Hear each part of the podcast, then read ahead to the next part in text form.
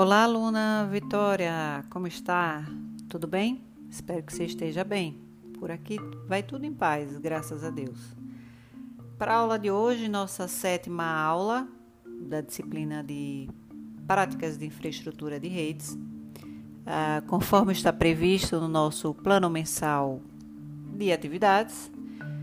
É, o novo plano mensal vai até o dia 12 do 11, do dia 14 ao dia 12 do 11 14 do 10 a 12 do 11. E é, para a aula de hoje nós vamos trabalhar uh, o PECT 3. Bom, o que é o Cisco PECT 3? O Cisco PECT 3 nada mais é que um simulador de redes que permite que a gente efetue configurações uh, representativas, tá? Uh, que vão permitir que nós, estudantes, docentes, profissionais da área de TI, consigamos configurar equipamentos, ainda que não estejamos com eles fisicamente. Então, ainda que não exista o equipamento físico, a gente consegue fazer as configurações, simular o funcionamento desses equipamentos, simular o funcionamento de uma rede, utilizando o Cisco PECT 3 que, que eu posso falar sobre o Cisco PECT 3? É um simulador ah, desenvolvido pela Cisco. A Cisco é uma empresa é, bastante renomada, conhecida na TI e utilizada largamente em ambientes corporativos. É, e ele cria esse simulador, e no seu simulador a gente vai ter equipamentos pertencentes à Cisco.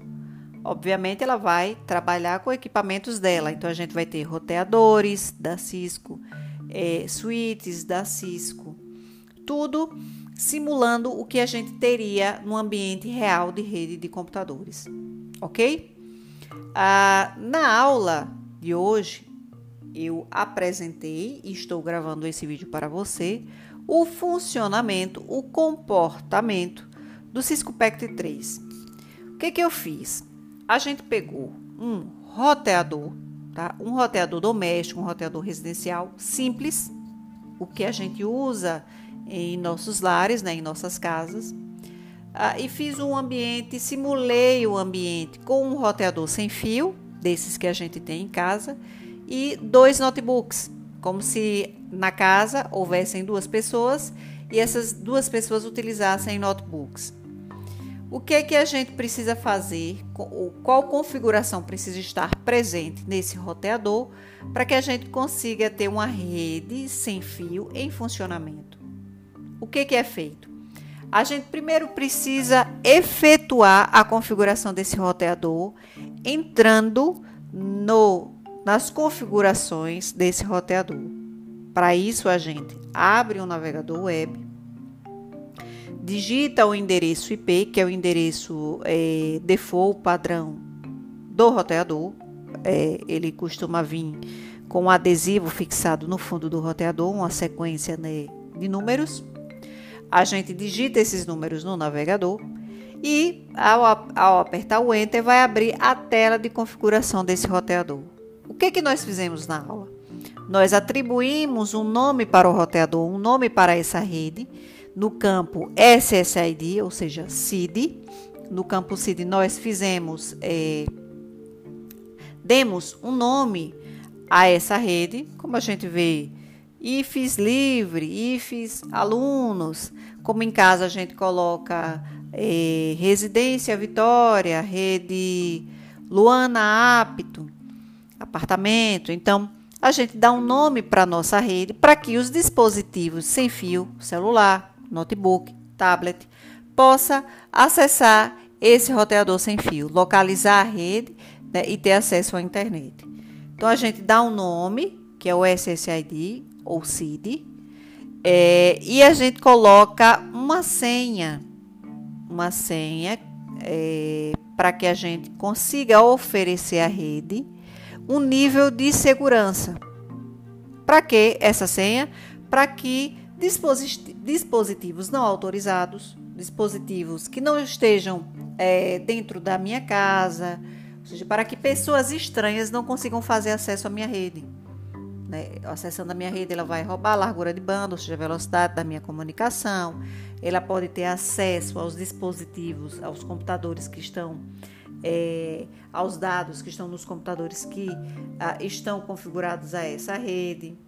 Enfim, a senha é para oferecer segurança.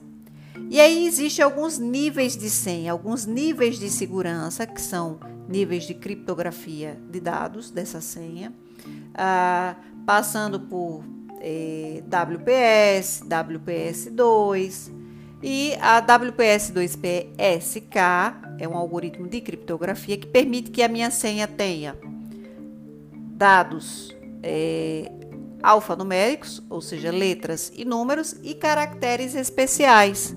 Então a gente faz no roteador caseiro, no roteador residencial, duas configurações. Quais elas são? O SSID, o CID, e a, a inserção de uma senha. Feito isso, a gente salva as configurações e a rede ela já está pronta para ser utilizada. Chegou um computador na casa de Vitória, um celular de um amigo de Vitória, como é que ele vai conectar a rede?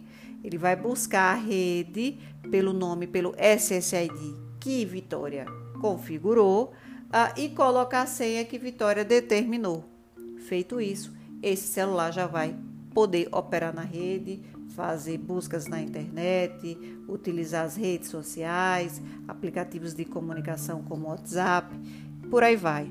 Então, para esta a primeira aula né, do segundo plano de, do ensino remoto emergencial, no total a sétima aula desse período já de pandemia, nós vimos é, a utilização desse simulador de redes que é o Cisco PECT3, um simulador robusto, um simulador com uma série de recursos que a gente vai explorar aos poucos, criar alguns cenários aos poucos, e eu estarei para você, Vitória, é, criando podcasts dos cenários e das configurações que estão sendo utilizadas. Então, o Cisco PECT3 nada mais é que um simulador. Ele permite que a gente realize, simule um ambiente real uh, neste programa, utilizando esse programa eh, de computador. Ok? Espero que tenha sido clara tenha sido bem compreendida, mas qualquer dúvida é só fazer contato, é só me enviar mensagem. Tá bom? Então, bons estudos, até o próximo áudio, fico à sua inteira disposição. Abraços, saúde e até a próxima.